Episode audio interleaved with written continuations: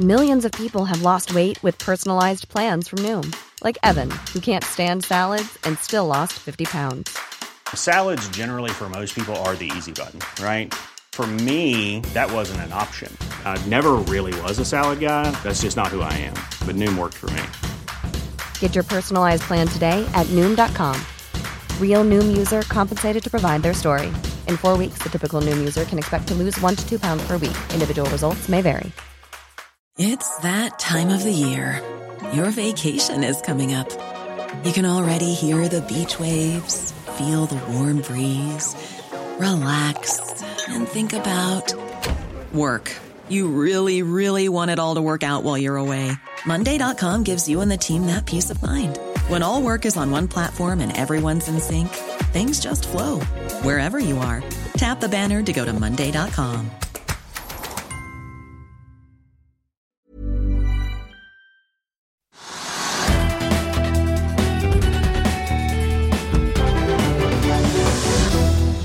Enes død, den andres brød, ja det kunne man vel omtrent eh, si hvis man skulle oppsummere gårsdagens børsdag, der markedene falt over hele Europa, samtidig som Oslo Børs karet seg opp 0,8% takket være en kraftig økning i olje- og gasspriser, og derav også olje- og gassaksjene. Men i dag har det snudd tvert om. Velkommen til Økonominyhetene på denne tirsdag 6.9, der det virkelig har surnet for mange på Oslo Børs. Vi har sett store stigninger gjennom eh, dagen, og gassprisen på det europeiske kontinentet er jo på vei noe ned igjen da etter den kraftige oppgangen vi så i går. Eh, en oppgang som da kom etter beskjeden fra russisk Gazprom på fredag om at eh, det ikke blir noe gjenåpning av Nord Stream 1-rørledningen før sanksjonene mot Russland fjernes. Hovedindeksen på Oslo Børs er ned 2,1 eh, nå, samtidig som vi ser f.eks. dagsindeksen i Frankfurt kare seg opp over 0,9% og dermed henter inn noe av det fallet vi så på over 2% i går. I dagens sending får vi besøk av en av de som kjenner finansmarkedene aller best her i landet, og som er ute med en ny bok. Pål Ringholm er med oss eh, straks. Og så skal vi se nærmere på hva som nå rører seg i Storbritannia, der Boris Johnson har overlatt stafettpinnen til sin etterfølger. Men først, eh, la oss titte litt på markedet akkurat nå. Nordsjøoljen er ned 2,3% i spotmarkedet til en cent under 93 dollar fatet, mens den amerikanske lettoljen VTI er ned omtrent det samme til 86 eh, dollar. Equinor faller hele 5,4 etter eh, en omtrent like stor oppgang i går. Aker BP er ned 3,9% og Vår Energi faller også litt over 5% Tankrederiet Frontline og Nordic Semiconductor er de to store unntakene på listen over de mest omsatte aksjene. Frontline er opp 1 og Nordic Semi opp 2,1 og at det er mye uro, det har vi jo ikke bare sett med alt som skjer på politisk hold, fra svenske statsgarantier til kraftmarkedet og krisepakker i både Storbritannia og Tyskland, men vi ser også det på hva selskapene selv sier. Equinor-direktør Helge Haugane advarte i dag om en kollaps i det finansielle energimarkedet i eh, Europa, og sier at myndighetene på kontinentet er nødt til å stille opp med et sted rundt 1500 milliarder dollar i likviditet til europeiske energiselskaper. Det kom frem i et intervju han gjorde med Bloomberg Bloomberg på en konferanse i Milano i dag. Av andre nyheter som det er verdt å merke seg, så stiger Shelf Drilling over 9% til drøye 18 kroner med en ganske solid omsetning. Fearnley har tatt opp dekning av aksjen og ser en oppside på over 130% Hva er det ikke å like? Shelf Drilling er et soleklart kjøp, skriver meglerhuset i en oppdatering. Fornybarselskapet Scatec klatrer 1,8 til litt over 101 kroner aksjen etter en meldingen om en ny avtale Eh, da sammen med franske EDF på et vannkraftprosjekt i eh, Malawi. For ta med at Tørrlastrederiet Golden Ocean faller over 10 i dag. Eh, det er da tilsvarende fall på rundt 10 kroner. Rundt seks av de skyldes at aksjen går eksklusiv et utbytte på 60 dollar cent. Resten av fallet kan trolig tilskrives da et fall i Baltic Dry-indeksen på nesten 2 i dag. Så får vi ta med oljeselskapet Noreco, som var opp 4% men nå er ned nesten like mye. Selskapet meldte tidligere i dag om at de øker produksjonsguidingen sin eh, både for eh, kvartalene i andre halvår og 2022 som helhet. De venter nå en produksjon på mellom 25,5 og 27 000 fat oljeekvivalenter per dag, opp fra 24,5 til 26,5 i den forrige prognosen. Det sterke Resultatet som de nå baserer den oppjusteringen på, er drevet av en vellykket eh, stimuleringskampanje på Halvdan-feltet på dansk sokkel som ble gjennomført i sommer, og grep på Gorm-feltet. Man venter at eh, disse tiltakene på disse feltene vil ha en positiv effekt eh, frem til andre halvår i 2024, ifølge Noreco selv. Selskapet melder også at de har inngått sikringskontrakter på gassprisen til og med neste vintersesong, altså 23-24. Og det kommer på toppen av de oljesikringskontraktene som selskapet har fra før. Noreco uh, inngikk jo en del sikringskontrakter før energikrisen slo til for fullt til en oljepris på rundt 50-60 dollar fatet. Får vi tar med at Noreco falt jo veldig kraftig her i starten av august. Eh, over 20, over 20 av den 3. august på meldingen om at Tyrafeltet Tyra-feltet blir både forsinket og dyrere enn planlagt, ifølge da operatøren Total Energi. Eh, ved at da oppstarten på feltet ble skjøvet fra neste sommer til vintersesongen 23-24. I tillegg da til at eh, Noreco må hoste opp en eh, rundt 120 millioner dollar ekstra før feltet er i drift. Jeg sendte aksjen den gangen ned fra 454 til 358 kroner. Og nå i dag så ligger aksjen på 345. La oss i Finansavisen hjelpe deg med å holde deg oppdatert på alt som skjer i finans og næringsliv. Hver morgen er jeg, Marius Lorentzen, og aksjekommentator Karl Johan Målnes på plass i studio for å ta tempen på dagens marked i Børsmorgen. På ettermiddagen oppsummerer vi alt du trenger å vite i økonominyhetene, og så får vi selvfølgelig besøk av masse interessante gjester. Du finner oss på fa.no-tv, eller ved å søke opp Børsmorgen og Økonominyhetene der du hører på podkast. Vi må innom fly, for Norwegian har kommet med trafikktallene sine i dag. De fraktet eh, nesten to millioner passasjerer, får vi si. 1,99 millioner valgte å kjøpe billett og sjekke inn hos eh, Geir Karlsen og co. Det er ned fra 2,2 millioner passasjerer i juli. Fyllingsgraden endte på 85,5 Det er ned nesten 10 prosentpoeng fra juli, hvor det altså var smekkfullt, og for så vidt også streik hos konkurrenten S-Size. Gilden til Norwegian endte på 66 øre per passasjerkilometer, mot 86 i juli. Så noen gode tider, men ikke like godt som i juli. Punktligheten ser vi fortsatt preges av eh, kapasitetsproblemer rundt omkring på flyplassene i eh, Europa. Den endte på litt over 60% og Norwegian hadde 69 fly i drift. Det er ett fly mindre enn i juli. DNB Markets hadde ventet en yield på 73 øre, altså noen øre over det Norwegian faktisk kunne melde om. Og De har jo da en eh, kjøpsanbefaling, et kursmål på 12 kroner. Norwegian er da ned 2,9 i dag til 7,33. Omtrent da en krone over emisjonskursen eh, som ble satt under restruktureringen under pandemien. Så får vi jo ta med at eh, Flyr og SAS kommer med sine trafikktall i morgen henholdsvis klokken åtte og klokken 11.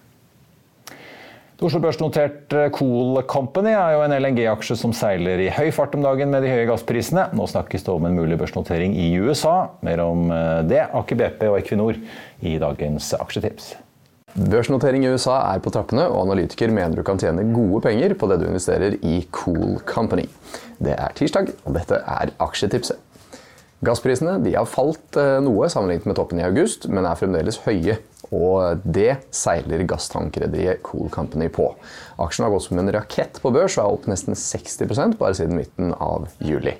Nå tror Eirik Håvaldsen i Pareto Securities at en børsnotering i USA ligger i kortene, og at det vil få fart på flåten og gi bedre kvalitet på driften. Det er et brennhett marked, og selskapet vil tjene godt på høye gasspriser, sier Håvaldsen i analysen. Han spår også flere kontrakter i tiden fremover. Håvaldsen setter kursmålet til 165 kroner, som er 30% over kursen i dag.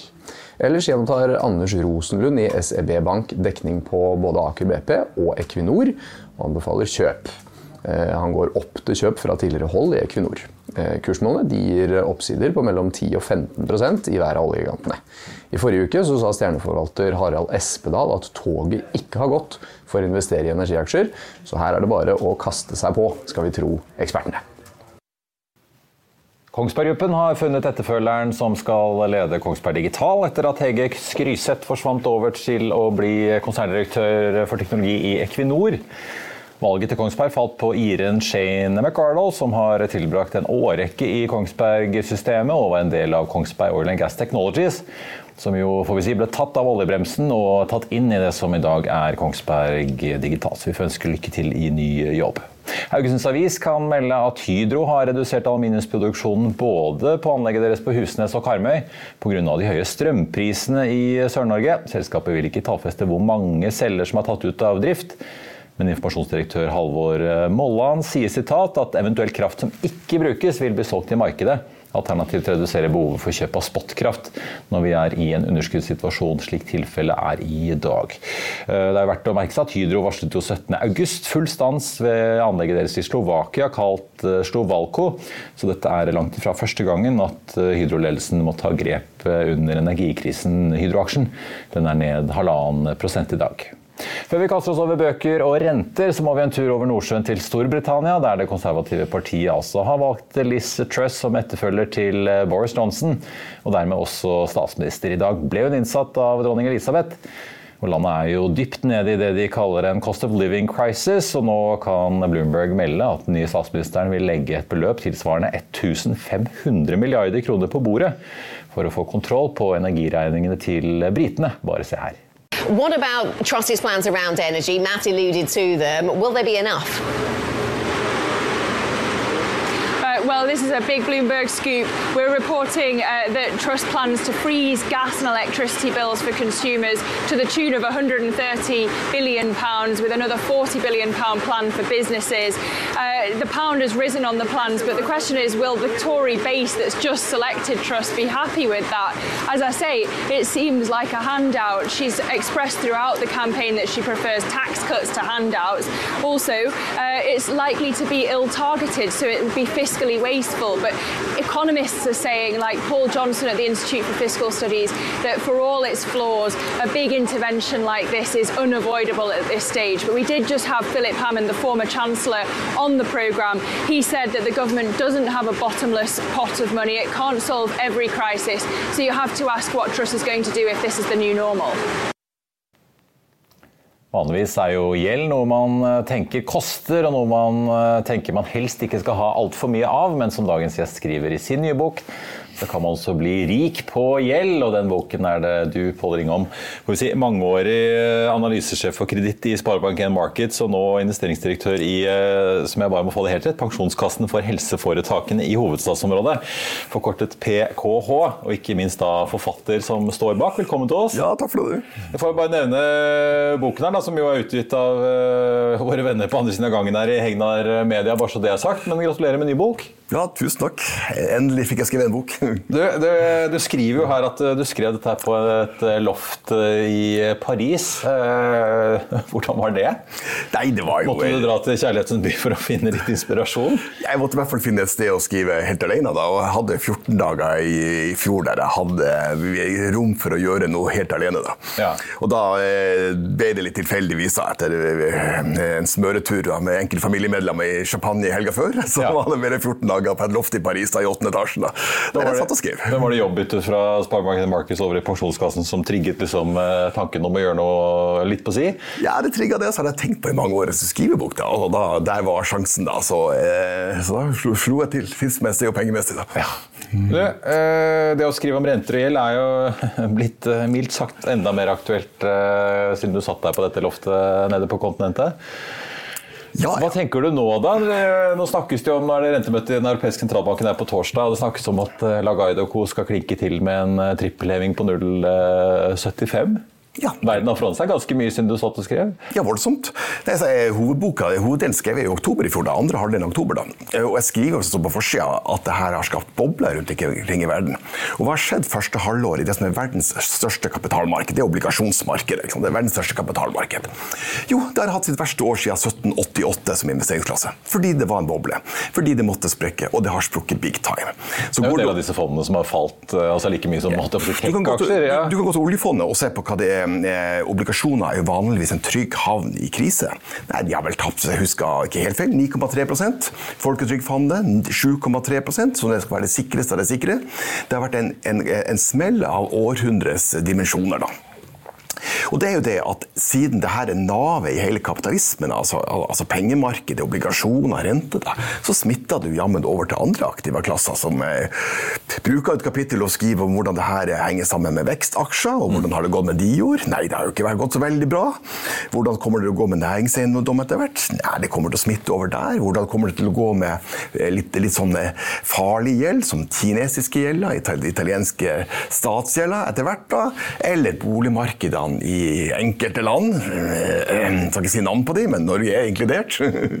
Nei, det er utfordrende. Og tar vi svenske boligmarkedet, så har vi falt snart leilighet, har det snart falt 15 der. Ja.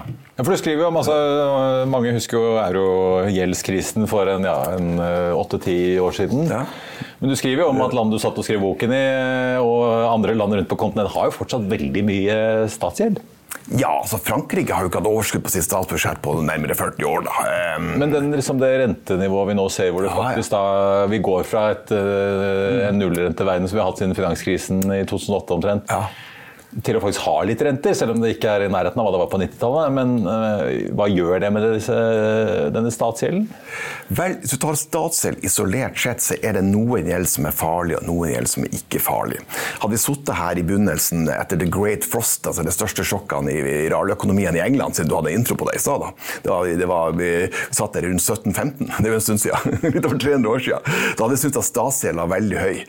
Men hvis vi skulle vente ut og gjøre, gjøre til å kom ned igjen, så måtte vi sitte og vente i 200 år. Land som har egen valuta, kan holde på høy statsgjeld lenge. Bare se på Japan, og det kan USA gjøre i 20 år til hvis de vil. Ikke sant? valutakursen hele tiden kompenserer? Ja, og du har en valuta du kan bruke på verdensmarkedet. Ja. Det er verre for eh, Italia, som ikke har egen valuta, og, eh, altså har euro, da, og ikke styrer over den. Det er en mye farligere gjeld. da. Så den type gjeld er det man skal følge med på. Der har det også vært store bevegelser i markedet den siste måneden. Men er det sånn at eh, den renteøkningen vi nå ser kan utløse en ny slags eurogjeldskrise? Nei, jeg tror at den politiske viljen, og så lenge den er der, er så stor i euroområdet at det er ikke der jeg ville kikka først. da. Um, der gjelden er mer, kan være utslagsgivende og veldig interessant å følge med på, det er et annet ting som skriver, og den kinesiske gjelda. da. Eh, og den har jo sprukket også da, i det halvåret her. Den er veldig høy, da, men veldig høy innenfor én sektor spesielt, eiendom. Og de siste tallene jeg så, det er sånn et par uker gamle tall, så er 28 av de 100 største eiendomsutviklerne i Kina er nå i teknisk mislighold. Altså de, de, de, de, sliter med å betale sin gjeld. Så da, da må man lete litt rundt omkring i verden for å finne den farligste gjelda. Det er litt forskjellig på det om den er øst eller vest. Dere sitter jo i PKH og forvalter en snaue 40 milliarder i kapital, så det er jo litt interessant å høre hvordan dere tenker nå i disse markedene som vi ser som altså, svinger noe helt voldsomt fra dag til dag. Og folk er jo selvfølgelig da desperat på jakt etter litt sånn trygge havner og aktiver som kan gi en, en grei, men relativt si, en risiko som er litt håndterbar. Jeg merket meg Sjefen i oljefondet, Nicolai Tangen, har jo snakket om at han er jo redd for at vi går inn i en tid hvor ikke bare kanskje avkastningen i aksjemarkedet mm. kan være laber, men også i obligasjonsmarkedene. Mm.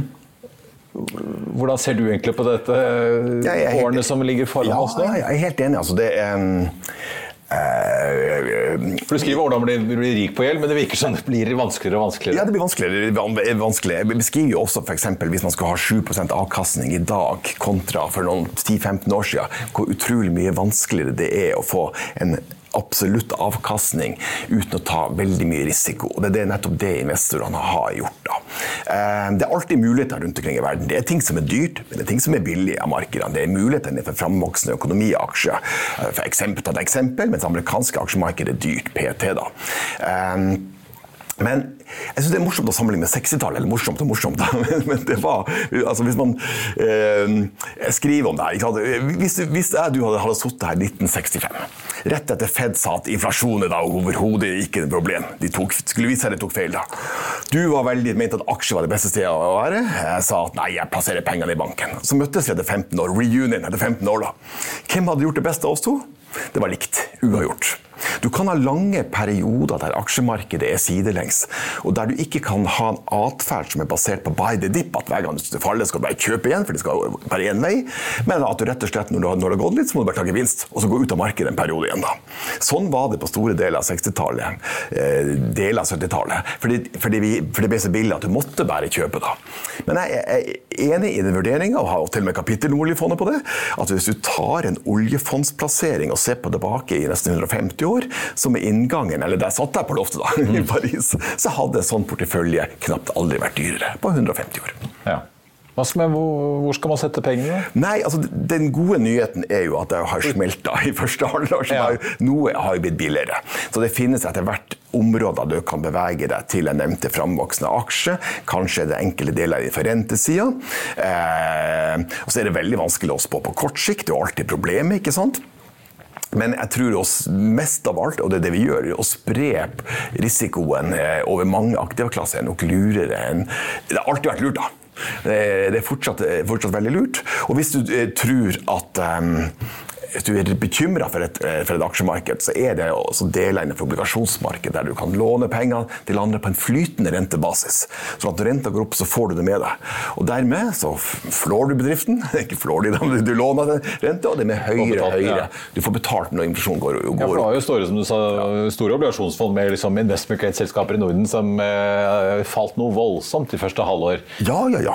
Uten at egentlig kanskje risikoen i de underliggende selskapene var noe høy, men rett og slett bare fordi at eh, du satt inn med en durasjon på 4-5-6-7 år. ikke sant? Helt Så, riktig. ja. Helt riktig. Ja, ja, ja, absolutt. så kunne verdien ble helt knokket? knukket. Nei, jeg sier det største fallet siden 1788, året før eh, fransk revolusjon. Ja. Men blir det da en vridning at uh, selskapene, hvis de skal gå i obligasjonsmarkedet, så er det ikke så stor interesse for å låne til dem på lang løpetid lenger, eller? Ja, det, det, det, er, det er jo masse veldig sånn definerte mandater. At det må investorer sitte og investere nærmest mekanisk. Så det er alltid etterspørsel. Da. Og renta er mye høyere nå enn, enn det var før. Så nå er etterspørselen kanskje grei nok, da. Men i norske markedet så er det ofte en flytende rente som gjør at det å investere det i dag i Norge, der Norges Bank skal øke renta flere ganger til, eh, altså, altså låne ut penger på flytende rente, en, kan være en god idé. Ja. Men eh, hvordan leser du på en måte prisingen, gitt at man har sett hva som skjedde i første halvår? Eh, ja, kan sentralbankene overraske markedet veldig, eller har, de, har man liksom priset inn at her kommer Fed og ECB og Norges Bank eh, og jekker opp ganske mye fortsatt? Eller Ja, eh, så vi så Aksjemarkedet reagerte veldig Ja. på Jerome Powell oppe i Jackson sant? hvor han egentlig bare sa at her kommer det 05-075 en gang eller to til, i hvert fall. Han sa det opplagt. Og vi så aksjemarkedet som falt ganske kraftig de Ja, påfølgende dagene. Ikke sant. Powell, eller advokaten som ligger kaller han, han er jo en sentralbanksjef som vingler mye. Han er vanskelig å lese, og han har gjort en av de største policyfeilene noensinne i Feds historie, tror jeg, eh, med å, å eh, fornekte eksistensen av inflasjon som var der. Alle bevisene var på bordet i fjor, da, men de er etter kurven. Um, det her er det, det, sånn Jeg liker å tenke makromessig. Det er det som slår på aksjer. da, ikke sant? Det slår på rente, rente og alt av investeringer. da. Så det, det, det er verden i tre. Europa det er bare gitt check, det blir inflasjon. Når eh, tyskerne som brukte før 1,5% av sin inntekt, folk flest i Tyskland, kommer nå til å bruke 11% på strøm, så er det check, inflasjon. Nei, altså resesjon. resesjon. Inflasjon også, selvfølgelig, men ja. resesjon. Eh, Kina? Nei, altså det, de har en, en meningsløs nedstengning pga. covid. Det er akkurat nå Chengdu stengt. ikke sant? Ca. 30, 30 av i mål til det BNP er nå definert som risikoområder nå i Kina, og delvis eller helt nedstengt. Det er klart det slår, pluss at de har litt problemer med eiendomssektoren. Eh, der er det også rødt. Rødt, rødt, flagg, rødt flagg. Og så er det ett område igjen, og det er USA. Der, mens det er rødt i Europa og rødt i Kina, så er det gult, da, ifølge mine moderne, da, i USA. Og det henger på akkurat det du sier. Det henger på rente, det henger på inflasjon. Hvis Fed kanskje mot alle odds, skulle klare å, å ro det her i land på en rente på 3,25-3,50 og stoppe der, da, så kan det være nok til at det, det blir bare en mild resesjon, og aksjemarkedet har priset inn det meste allerede. Men tar aksjemarkedet feil på det, tar advokaten Powell feil, at det må øke renta mer, og inflasjonen har bitt seg mer fast enn man tror, så blir det et helt annet scenario. Mm. Jeg må spørre deg kapittelet i boken som heter 'Den skitne investeringshemmeligheten'. Hva er den? Var det på grønne investeringer? da? Ja, nei, det var eh, Du snakket om at eh, man må kjøpe når resesjonen Ja, ja, står på den, som verst Ja, i kredittmarkedet. Og at det selvfølgelig er lettere sagt enn gjort, men likevel. Ja, ja, det er jo et allment. Det fungerer også for kredittmarkedet, det fungerer for aksjemarkedet, men det er jo hele tida jobbe mot sin psykologi. da. Men har du noen sånne klassiske ting du ser etter, hvor du, liksom, hvor du vet at nå er det på en måte rock bottom? Ja da. ja da. Akkurat som at du kan, skal, typisk skal kjøpe Oslo Børs når prisbok, altså aksjekursen med, i forhold til bokførte verdier er på 1,1, 1,2, 1,3, et eller annet sånt. altså. Eh, eh, da bruker det å være veldig lønnsomt de neste tre årene. ikke? Det, det slår til hver gang. Så er det sånn at når du låner til ganske sikre selskaper, da, em, Stolt-Nielsen for å ta et case da, på over 5 sånn påslag, så bruker det alltid være lønnsomt året etter. Altså, det er liksom det er helt samme mekanismen der. Så du skal kjøpe når, når ting ser grusomt ut. Men det ser ikke nok grusomt ut ennå, da. Men, men Nei, du har litt mer eh, Ja. Eller du har litt nedside som du i hvert fall Veldig ofte så er det sånn at finansmarkedet har, kan, kan få en sånn tredje legg ned. Altså det, og nå har aksjemarkedene hatt to. Så kommer den tredje inn, eh, og eh, kritt- og aksjemarkedene utover høsten. Jeg vet ikke, men sjansen er definitivt til å se det. ja. Men det er liksom når, ja. Stolt-Nielsen og Equinor og Aker og Ja, Hydroen altså- i denne verden eh, har satt i påslag. Eh, Til slutt, da, si litt om eh, sant, I aksjemarkedet så er jo det å være småinvestor relativt eh, enkelt. Du kan Ja. registrere deg hos ymse banker, ja. si, spesialmeglere som Nordnett og andre. Ja. Åpne konto, kjøpe en aksje i Orkla eller Telenor eller hva det skulle være. Og det er relativt sånn selvforklarende at dette går opp eller ned. Eh, I obligasjonsmarkedet så er det jo det er jo litt annerledes. Du kan selvfølgelig kjøpe fond, men Mm. skal du inn og kjøpe enkeltobligasjoner, så må du gjerne hoste opp 100 000 euro i minste buy-in. Så det er jo et veldig spesielt marked for, på en måte. da. Ja, det, ja, ja, det det. Hva er liksom rådene dine til småinvestorer som skal inn? Hva, hva bør de gå for å ha i bakhodet? Småinvestor går for fond. Eh, absolutt, men det er veldig, det jeg bruker halve boka på å beskrive markedet og hva det her er for noe. Det, er- det er veldig kjekt å vite hva du kjøper, nå, selv om du kjøper fond. Det er faktisk veldig lurt. så, så, så, men bruker fond, da. Og fond er stort sett, norske rentefond er stort sett eh, ganske billig å kjøpe. altså de bruker, Det forvaltningshonoraret de tar, er, er ikke all verdens. da. Så det er bare å kjøpe fond. Du kan også kjøpe eh, altså utenlandske fond. da Pass på litt valutakurs og andre ting. Men eh, vær klar over det. Har du litt mer penger, så kan du kjøpe en halv million da, sånn grovt sett, eller eller millioner i hver post og lager deg en portefølje. da. Og det er klart Hvis du lager deg en portefølje med gode, sikre navn som skal gi deg en rente på 6-7-8% da, så er det noe du definitivt kan bli. Så det står 'bli rik på gjeld', men det står også 'bli rik nok på gjeld'. Du blir ikke styrtrik, men du blir rik nok. Tikker og går. så Det tikker og går, ja. Pål Ringholm, tusen takk for det. Så får vi si lykke til med boksalget. Takk for det. Her er det masse stoff å lese om for de som er interessert. Vi kunne sikkert sitte en time til, men eh, da tror jeg vi mister de aller fleste lytterne. tusen takk. Takk skal du ha. På tampen så tenkte jeg vi bare skulle gå litt over markedet nå, hvordan det ser ut. Hovedindeksen på Oslo Børs ned 2,15 altså til 1220 poeng. Eh, Og med det er vi altså sammen med København, eh, de to store indeksene som er i rødt i eh, dag. Det er grønt rundt oss i Europa, hvor man da henter seg litt inn igjen, får vi si, etter det kraftige fallet vi så i går. Dagsindeksen i Tyskland er nå opp 1,1 Amerikanske børser var jo stengt i går pga. Labor Day. Vi ser nå på futuresene på Wall Street at eh, det ser ut som vi får en positiv oppgang der, da etter den nedgangen på en drøy prosent vi hadde på eh, fredag. Ellers så er det jo da verdt å merke seg at eh, en rettet Tronsen i Arctic eh, da spår at Hitron kan trikke oppover 30% Det har jo sendt den aksjen opp eh, litt i dag. Og Kitron er nå opp 3,4 eh, fortsatt. Så, så ta med Frontline. Jeffreys går fra hold eh, til kjøp på den aksjen og setter et kursmål da fra 11 til 16 dollar, tilsvarende 159 kroner. Den aksjen ligger nå opp eh, nesten 1% til 120 kroner. Ellers på listen over de mest omsatte aksjene så har vi da Equinor ned 5,4% En ganske kraftig kalddusj, som da selvfølgelig er med på å trekke hovedindeksen ned, gitt Equinors størrelse der. Vår Energi, som eh, det virker som er på vei inn på hovedindeksen når Oslo Børs eh, gjør litt endringer i den senere denne måneden, er også ned over 5 altså. Aker BP ned 4 blank. Og så har vi da andre oljerelaterte aksjer. PGS ned 4,5% og Borr Drilling også ned 2,8. Alle de høyt opp på listen over de mest omsatte aksjene. Vi ser at Nordic Semi gjør det bra. De er opp 2,2% og det samme er altså Frontline i grønt. og så, får vi da ta med at Yara tikker oppover 0,1 etter at denne aksjen falt ganske kraftig i går på økte gasspriser. I Finansavisen i eh, morgen så kan du i tillegg til Trygves leder lese børsintervju med Pareto-analytiker Dan eh, Akschuti. Du kan lese om hvordan det er leietagers marked i Stavanger og på Forus om dagen. Og du kan lese hvordan endringer i permitteringsreglene kan forhindre en konkursbølge. Det var det vi hadde for deg i dag, men vi er tilbake igjen i morgen med Børsmorgen 08.55. Og så er vi tilbake igjen her med Økonominyhetene klokken 14.30. I mellomtiden får du som alltid siste nytt på fa.no. Mitt navn er Marius Lorentzen.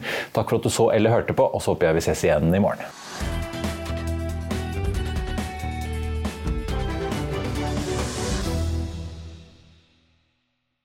Økonominyhetene er en podkast fra Finansavisen. Programledere er Marius Lorentzen, Stein Ove Haugen og Benedikte Storm Bamvik. Produsenter er Lars Brenden Skram og Bashar Johar. Og ansvarlig redaktør er Trygve Hegnar.